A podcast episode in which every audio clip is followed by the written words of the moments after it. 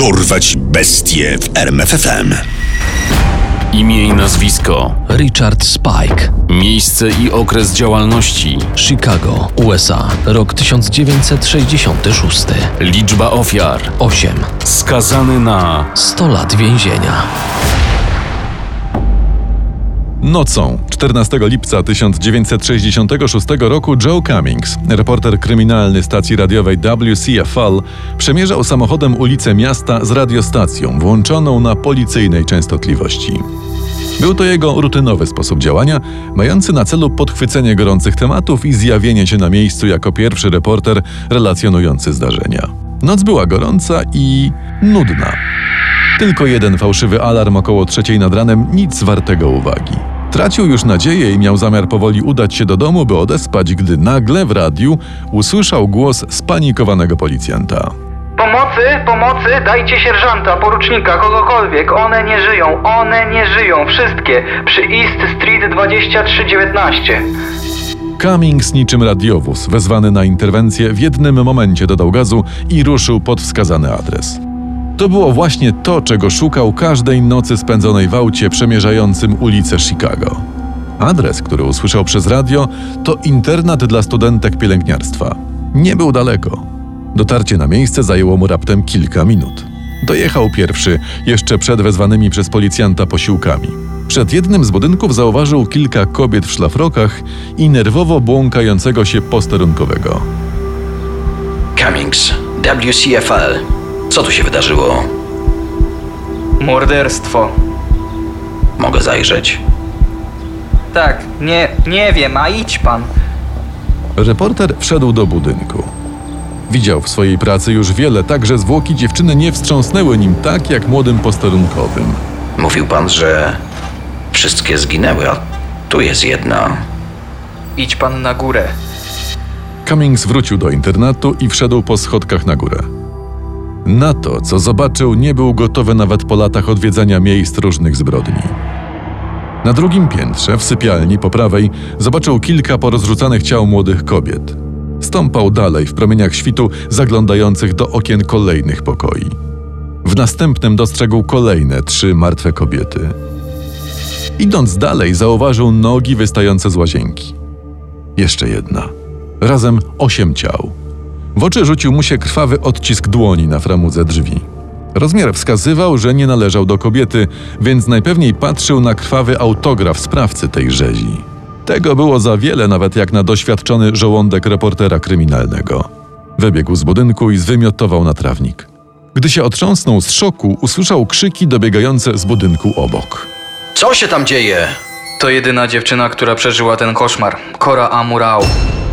Cummings wszedł na antenę z gorącym newsem podczas wiadomości o 6 rano, raportując wielokrotne morderstwo popełnione w internacie studentek pielęgniarstwa Szpitala Stanowego w Chicago. W tym samym czasie na miejscu zbrodni pracowały już zespoły śledcze i technicy zabezpieczający ślady. Detektyw Jack Wolenda szedł po dywanie nasiąkniętym krwią jak gąbka i systematycznie oglądał każde ze zwłok. Dziewczyny były krępowane pasami wyciętymi z prześcieradeł. Węzły były przygotowane profesjonalnie, zbyt fachowo jak na kogoś, kto supłałby je nerwowo. Ofiary były duszone i zabijane nożem, niektóre miały ślady pojedynczych uderzeń, inne nawet po kilkanaście. Ułożenie ciała jednej z ofiar sugerowało, że mogła zostać zgwałcona, ale to miał ujawnić dopiero raport koronera. Wolenda uświadomił sobie, że to pewnie najbrutalniejsza ze spraw, z jaką przyszło mu się mierzyć w całej swojej karierze. Jak tylko ciała dziewcząt zostały zabrane przez biuro koronera, a budynek zaplombowany, na komisariacie zaczęto tworzyć zespół śledczych powołanych do rozwiązania sprawy i od razu rozpoczęto poszukiwania. Jedna z dziewczyn, która przeżyła atak, Cora Amurao, opisała sprawcę jako wysokiego blondyna około 180 cm wzrostu i 70-80 kg wagi, mówiącego z południowym akcentem. Ruszajcie przepytać okolice. Zespół nie marnował czasu. Jeden z policjantów udał się na pobliską stację benzynową. Tam właściciel zeznał, że dwa dni wcześniej pojawił się u niego typ pasujący do opisu. Skarżył się, że spóźnił się na statek i że stracił pracę. Spytał, czy może u niego przechować bagaże. Ten trop zaprowadził śledczych do Izby Związku Kupców Morskich, znajdującej się niedaleko internatu. Jednak tam nikt nie wiedział niczego o człowieku, którego rysopis mieli śledczy. Wrócili na stację i kontynuowali przesłuchania pracowników. Jeden z nich zeznał, że faktycznie obiecał zaopiekować się bagażami rzekomego marynarza i skierował go do hotelu nieopodal.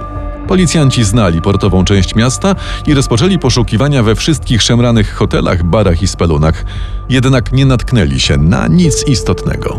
Jeden z detektywów postanowił wrócić do siedziby związku i tam odnalazł człowieka, który pamiętał poirytowanego marynarza, który spóźnił się na statek. No faktycznie, no był tu taki jeden. Miał południowy akcent, no, prawie go nie rozumiałem. E, Ale zaraz, zaraz, no, wypełniał kartę. Odnaleziono ją w koszu na śmieci. Widniało na niej nazwisko Richard F. Speck. Detektyw szybko odnalazł jego akta w archiwum związku. Jego dane pasowały do opisu podanego przez pracowników stacji, natomiast przeszukanie baz komisariatu nie dało żadnych rezultatów. Gdzie mógł spędzać czas marynarz, awanturnik i potencjalny morderca? Całe siły rzucono do przeszukiwania knajp, spelon, nielegalnych burdeli i innych przybytków zlokalizowanych w dokach, które znajdowały się raptem mile od internatu, w którym to dokonano zbrodni. Kilka dni później zespół śledczych natknął się na recepcjonistę w obskurnym hoteliku, który pamiętał awanturę z udziałem pijanego blondyna o teksańskim akcencie i ciemnoskórej prostytutki. Tak, był tu taki gość. Poszedł z dziewczyną na górę pijany jak Bela. Po godzinie ona wyszła wkurzona i powiedziała, że ten palant ma broń. Rano szefowa się niepokoiła i zadzwoniła po patrol. Jak się okazało, policjanci, którzy tego ranka pojawili się w hotelu, zastali w łóżku pijanego speka śpiącego z pistoletem wystającym spod poduszki. Wtedy jeszcze wieści o poszukiwanym podejrzanym w sprawie zabójstw nie dotarły na wszystkie posterunki, a na pewno nie na ten, z którego przyjechali. Spek zeznał, że broń należy do prostytutki, a on nic o niej nie wiedział, był pijany i spał.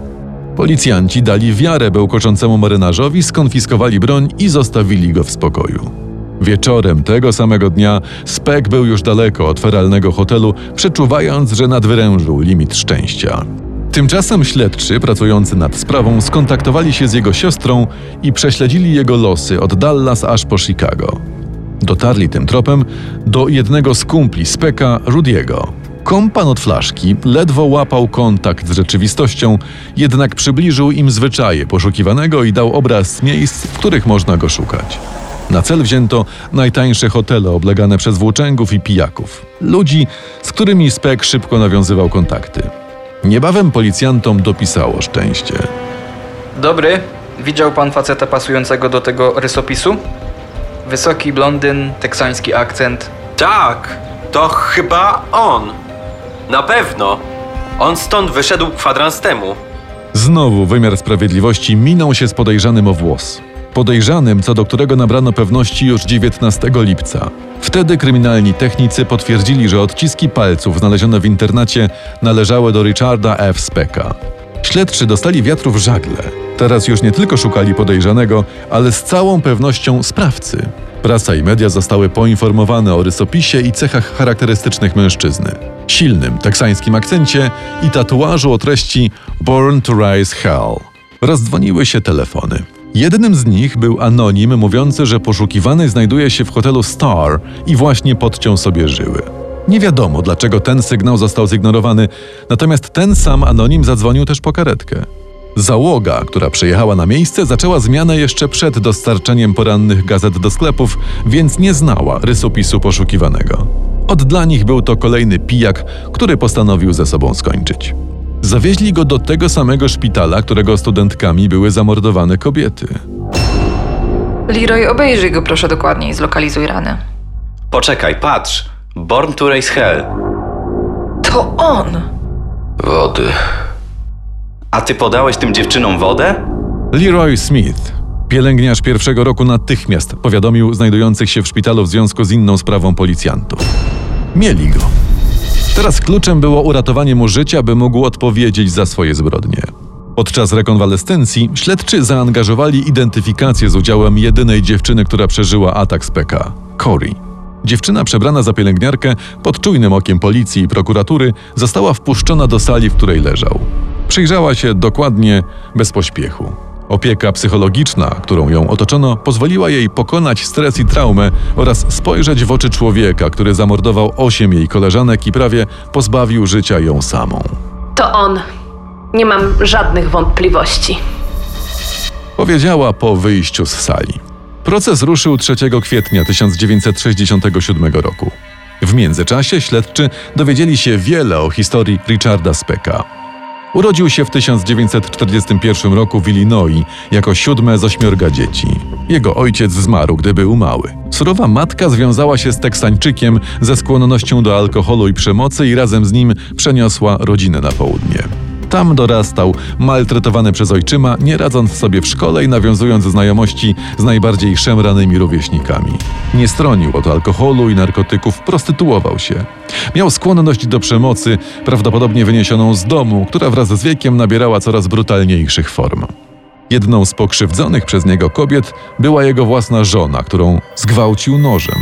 Miał na swoim koncie włamania i rozboje. Był podejrzanym w sprawie kilku morderstw. To wszystko sprawiało, że nigdzie nie zagrzał miejsca i próbował uciekać przeszłości jako marynarz, aż trafił do Chicago. Czy oskarżony przyznaje się do zarzucanych mu czynów? Jestem niewinny.